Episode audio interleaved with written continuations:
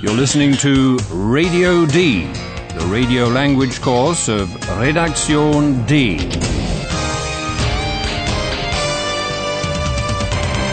A joint project of the Goethe Institute and Deutsche Welle Radio. The author is Herrad Meese.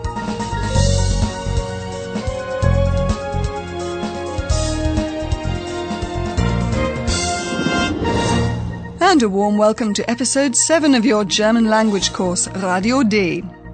Our two reporters, Paula and Philip, have been looking into the mystery surrounding the death of the Bavarian king Ludwig II. This time they want to tell us about his life, but unfortunately they haven't actually reported in yet. Stimmt nicht.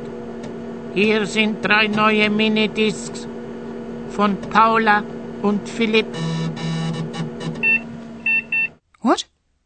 Three new mini discs. Let's play them right away for our listeners. Hallo, liebe Hörerinnen und Hörer. Willkommen. Bei Radio D.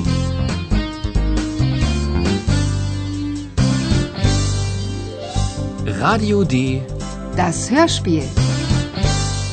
As you already know, King Ludwig II lived in the 19th century. He was a melancholic man who loved to be driven through the lonely forests at night, in winter in a sleigh. Imagine a night with a full moon and mountains covered in snow, and listen to what it was King Ludwig loved so much.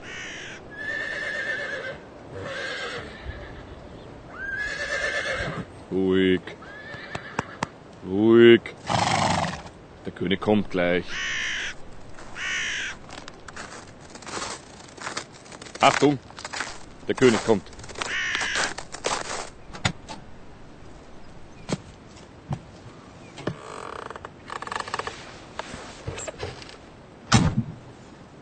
Ja! Los geht's!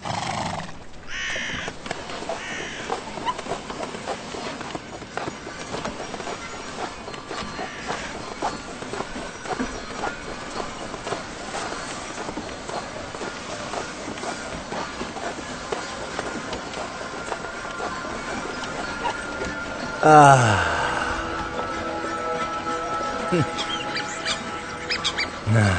wie schön.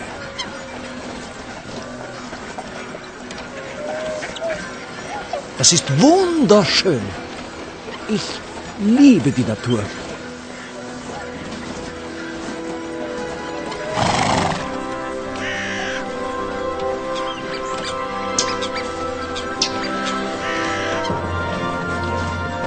Und ich liebe die Musik. Musik von Richard Wagner.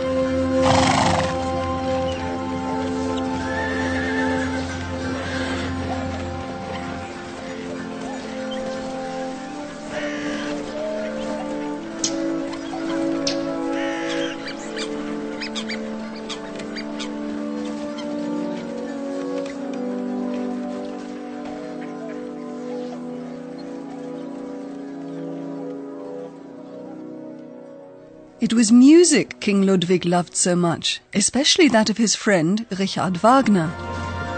Und ich liebe die Musik. Musik von Richard Wagner. A sleigh ride. It's like an image from a fairy tale, don't you think? That's one of the reasons why they called Ludwig the fairy tale king. You know, you can still take a sleigh ride like that now, though it might not be quite as romantic as you expect, because it's pretty cold and you drive on the roads. It was better for King Ludwig. He was snuggled up inside a thick fur and could enjoy the nature he loved so much and dream of the music of his friend Richard Wagner. Ah, Na, wie schön.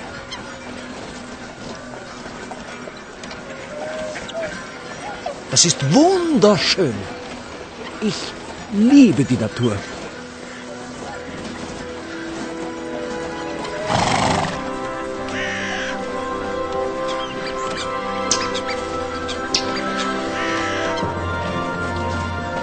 Und Ich liebe die Musik.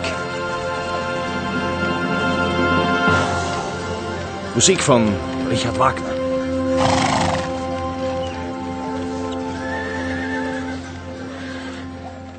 But in his youth, when King Ludwig wasn't quite as lonely as he was in adulthood, and also not quite as off his rocker, as you might say, he celebrated wild parties in his palaces, with dancing and music and colourful lights.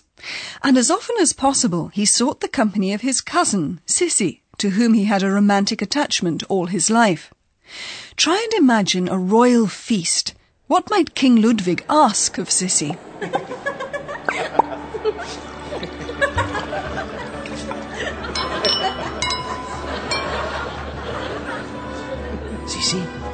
tanzen wir. Ja, gern, Ludwig. Gern. Entschuldigung, Majestät. Später, später. Kommen Sie, Sissi, wir tanzen.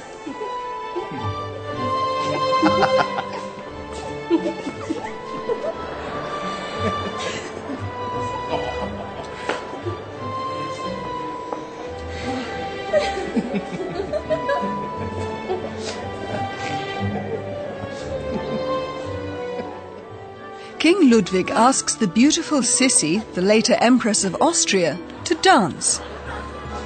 Sissi, tanzen wir. Kommen Sie, Sissi, wir tanzen.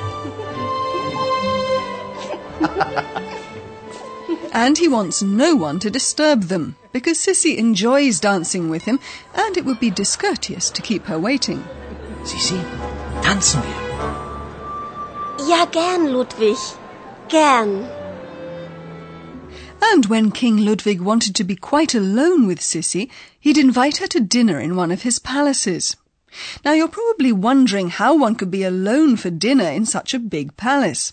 Well, at his Linderhof palace, the king had a special table device built, and when Sissy sees it for the first time, she's quite amazed. Can you imagine what kind of construction this table, Tisch, might be? Äh, Essen und kein Tisch? Wie geht das, liebster Ludwig? Wo ist der Tisch? Moment, Moment.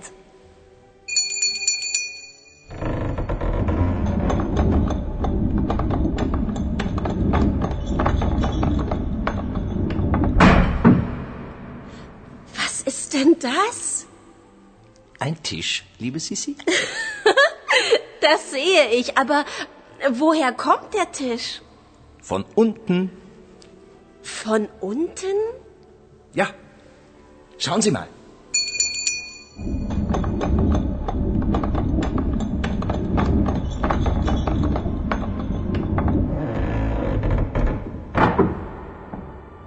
Jetzt ist er weg. Ich klingele, der Tisch kommt. Ich klingele, der Tisch verschwindet. Und wie geht das? Das ist eine besondere Konstruktion. Maybe you've seen in the theatre how people or things are lowered out of sight, and that's the kind of machinery King Ludwig had built for himself. But back to Sissy. Having been invited to dinner, she's understandably quite surprised to see no table when she enters the dining hall in Linderhof Palace. Äh, Essen und kein Tisch? Wie geht das, liebster Ludwig? Wo ist der Tisch? Well, recognizing a table is not that hard, so when Sissy asks, What's that? she gets the bemused reply from the king, A table.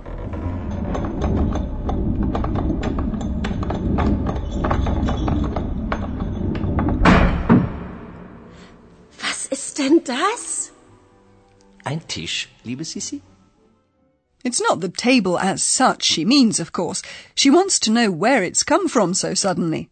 The answer, from below, isn't really much of an explanation. Das sehe ich, aber äh, woher kommt der Tisch? Von unten.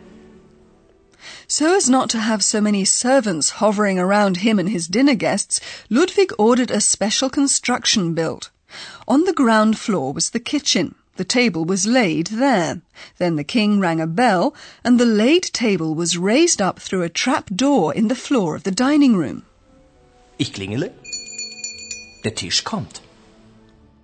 And when dinner was over, King Ludwig rang again and the table was lowered back to the kitchen. It simply disappeared.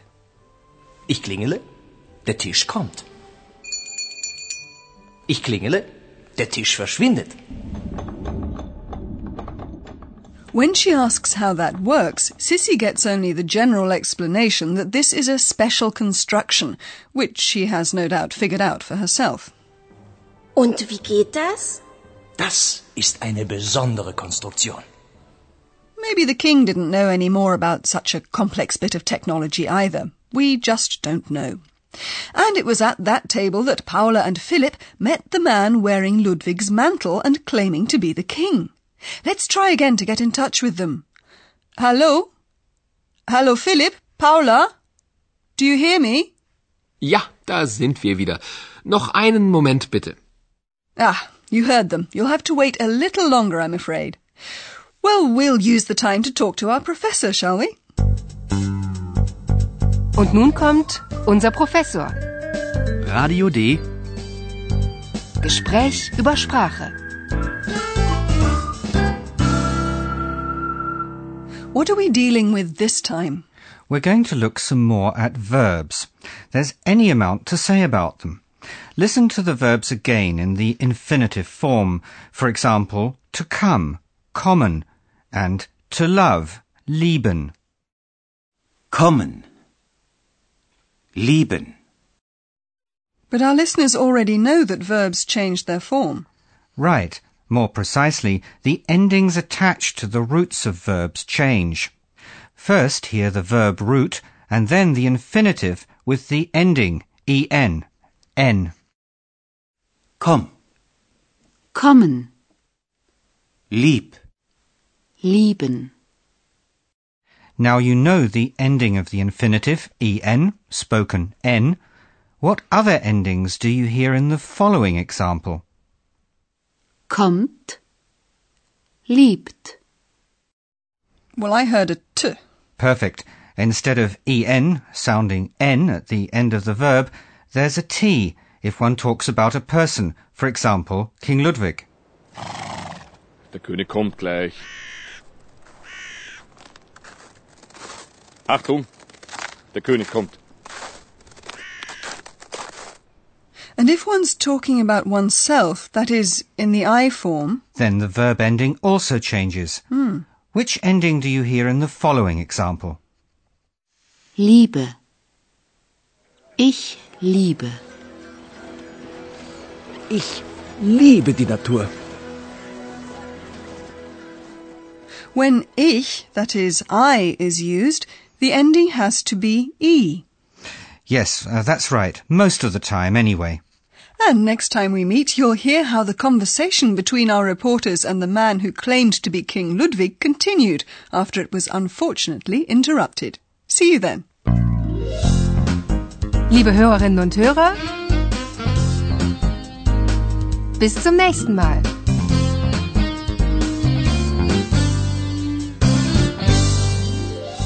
You've been listening to Radio D, a German course of the Goethe Institute and Deutsche Welle Radio.